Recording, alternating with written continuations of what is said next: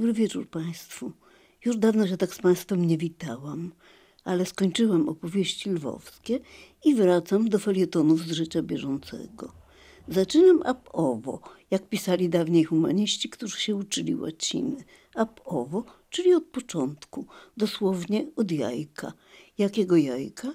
No takiego, od którego rozpoczyna się życie. A dlaczego akurat tak? Bo tuż po Bożym Narodzeniu Poczta dostarczyła mi zaproszenie na kolędowe spotkanie u sióstr Boromeuszek, które w swoim domu zakonnym we Wrocławiu przy ulicy Rydygiera prowadzą słynne okno życia. Ratują w ten sposób porzucone niemowlęta, albo inaczej niemówiątka, jak to brzmi u księdza Jakuba Wójka w najpiękniejszym polskim przekładzie Biblii z końca XVI wieku. Niemówiątko to jedno z moich ukochanych słów staropolskich. Muszę Państwu przyznać, że śliczne. Ale dostałam to zaproszenie nie jako dziennikarka i polonistka, tylko pewnie dlatego, że ostatnio swój 1% od podatku przeznaczyłam dla prowadzonej przez ten właśnie zakon fundacji Evangelium Vitae. Niemniej jednak język musiał tu odegrać pewną rolę, bo którejś niedzieli w moim parafialnym kościele zamiast kazania usłyszałam tak fascynujące wystąpienie siostry zakonnej, że gdybym tylko była młodsza, silniejsza i lepiej zorganizowana, nie poprzestałabym na odpisaniu procentu, tylko nie, nie, nie próbowałabym wstąpić do zakonu, tylko zostałabym pewnie wolontariuszką tej fundacji. Taka jest bowiem siła słowa siostry Ewy Joanny Jędrzejak, wieloletniej przełożonej domu zakonnego, obecnie znowu oddelegowanej dla jakichś ważnych działań do Trzebnickiego Domu Generalnego, ale którą w ostatniej niemal chwili miałam zaszczyt i przyjemność osobiście poznać, właśnie podczas owego spotkania w Wigilię Święta Trzech Króli i wysłuchać arcyciekawych opowieści o sprawach, o których my, tak zwany laikat, na ogół dość słabe mamy pojęcie. Pełna temperamentu i pasji niewiasta o prawie czterdziestoletnim stażu zakonnym, czego zresztą w ogóle po niej nie widać, mówi o sobie z całą skromnością, że swoim życiorysem mogłaby obdzielić parę osób. A ja, choć ciekawa jestem bardzo tych wszystkich wcieleń, stopuję siostrę Ewę po usłyszeniu hasła Syberia i proszę o rozwinięcie tematu, bo dla mnie to temat jeden z najbardziej frapujących. Jestem bowiem, jak wiadomo, z tego pokolenia, któremu słowo Syberia kojarzy się z nocnym nasłuchiwaniem, czy nie idą po nas.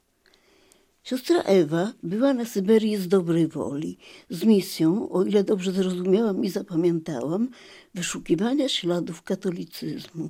Resztek tego, co zdołało się zachować po tym, co kiedyś opowiadała babcia, że ktoś był ochrzczony, że zapamiętał parę słów modlitwy i teraz być może da się to odnaleźć i odchuchać. Z odchuchaniem nie ma problemów. Siostra Ewa mówi, że po osiemdziesięciu latach komunizmu i zagłady wszelkich duchowych wartości czuło się wśród tych ludzi ogromny głód Boga.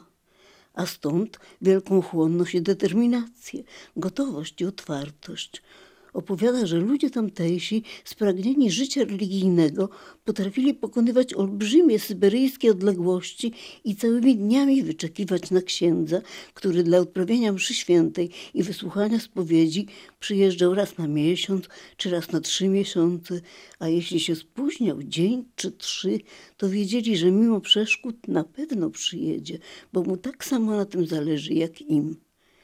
W taki sposób odbudowywały się wspólnoty katolickie i parafie.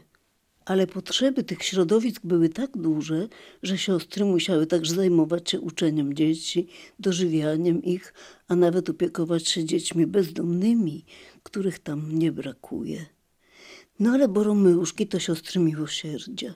Zgromadzenie ich formowało się i zmieniało przez wiele lat w oparciu o naukę Kościoła o miłosierdziu i związaną z nią działalnością charytatywną, tak potrzebną w Europie trawionej wojnami i kryzysem gospodarczym. Zostało w końcu założone w połowie XVII wieku przez Emanuela Chauvenel z woli jego przedwcześnie zmarłego syna Józefa we Francji. Potem rozszerzyło działalność w Niemczech, Austrii, Rumunii, we Włoszech, a także w Izraelu i w Egipcie. W połowie XIX wieku niemieckie boromeuszki dotarły na Śląsk. W roku 1939 polska gałąź tego zgromadzenia znajdowała się w Mikołowie. Po wojnie połączyły się.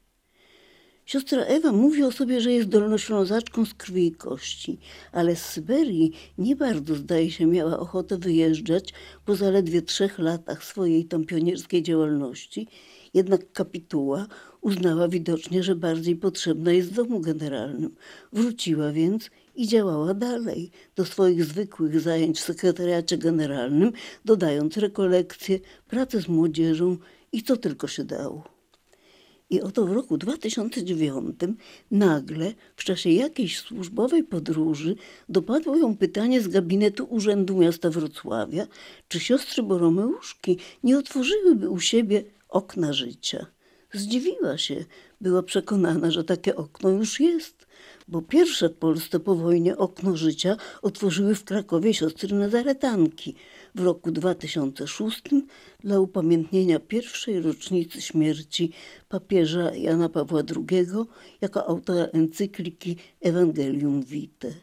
Wrocławska Fundacja Evangelium Vitae powstała także w roku 2006.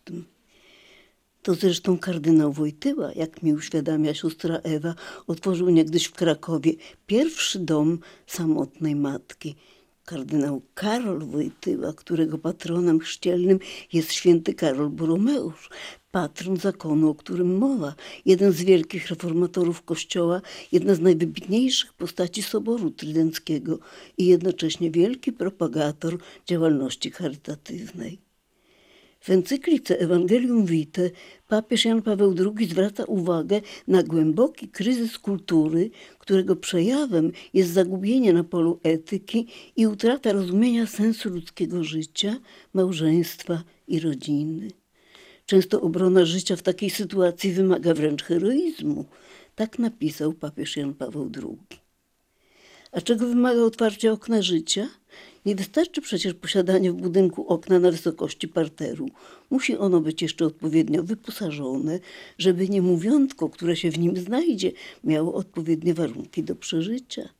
Takie właśnie problemy musiały rozważyć siostry Boromeuszki, którym Urząd Miasta Wrocławia uczynił tak interesującą propozycję. Jak podpowiada teraz siostra Ewa, za kulisami tego szlachetnego pomysłu tkwiły jakieś partyjne gry polityczne, albowiem w ten między innymi sposób prezydent Dudkiewicz zabiegał o głosy Prawa i Sprawiedliwości. Ale jakie mają znaczenie gierki partyjne, jeżeli skutkiem tego są uratowane losy porzuconych niemówiątek? Jak obliczyli wówczas eksperci, do odpowiedniego wyposażenia okna potrzeba było 60 tysięcy złotych. Na szczęście znaleźli się sponsorzy. Zastanawiają się może Państwo, co to tyle kosztowało? Przede wszystkim sam remont i potrzebne do tego materiały, adaptacja okna piwniczego i całej tej części piwnicy, zbudowanie potrzebnego zaplecza sanitarnego, ogrzewanie i zainstalowanie elektrycznego urządzenia, które blokuje zamknięcie okna, tak żeby umieszczonego w nim dziecka nikt po włożeniu już nie mógł wyjąć. Odblokowują je dopiero siostry, które przybiegają na dzwonek alarmu. Wrocławskie Okno Życia we wrześniu roku 2019 obchodziło dziesiątą rocznicę swego zaistnienia. Zostało poświęcone 23 września, dniu wspomnienia świętego ojca Pio. W swoim ostatnim bożonarodzeniowym liście, zaadresowanym do współpracowników, wolontariuszy, darczyńców i sympatyków, siostra Ewa napisała – Dziesięć lat, tysiące fałszywych alarmów, niedospane noce, troska o to, by okienko zawsze czekało w gotowości na potencjalnego maleńkiego przybysza. To siedemnaścioro dzieci, które otrzymały szansę na życie i podwójną miłość. Ale też istnienie okien życia i ciągłe powstawanie nowych uczyniło nasze społeczeństwo chyba bardziej wrażliwym, nie tylko na sprawy dzieci, także i rodzin potrzebujących. Dzięki wrocławskiemu oknu życia powstał także Bank Niemowlaka. Wspiera on ubogie i potrzebujące rodziny w sposób materialny, ofiarowując wszystko to, czego dziecko potrzebuje: ubranka, sprzęty, artykuły higieniczne i kosmetyczne, a czasem także żywność. To jest możliwe tylko dzięki hojności ofiarowujących te rzeczy, ale także wspierających nas finansowo, dzięki czemu możemy kupować to, co potrzebne, opłacać rachunki, wynagradzać za pracę. Tyle cytatów z listu siostry Ewy. Fundacja dysponuje także materiałami graficznymi, które mogą Państwa dokładnie jeszcze zorientować w niektórych szczegółach. Widziałam je na parterze w budynku B, dotyczą wszystkich dziedzin działalności fundacji. Jest także świetna strona internetowa. A siostra Ewa posiada w swoim smartfonie prześliczną galerię zdjęć niemówiątek, tyle że już wyrośniętych, kolorowych i roześmianych. Z humorem zapewnia, że wbrew niektórym złośliwym i niemądrym komentarzom internautów, dzieci z okna życia nie są ubierane w mini habity i mini sutanny i nie są chowane w klasztorze na przyszłe osoby duchowne. Wprost z okna życia trafiają do szpitala na badania, a stamtąd do rodzin adopcyjnych. Z rodzinami fundacja współpracuje poprzez ośrodek adopcyjny pod czwórką, czyli na Katedralnej 4. Cztery rodziny spośród tych wychowujących dzieci z okienka utrzymują stały kontakt z fundacją i osobiście z siostrami Ewą i Dorotą. Jedna z nich przyniosła siostrze Ewie bukiet na ostatni dzień matki. Ewa to imię zakonne Joanny Jędrzejak jest jednocześnie imieniem Ewy, matki nas wszystkich żyjących.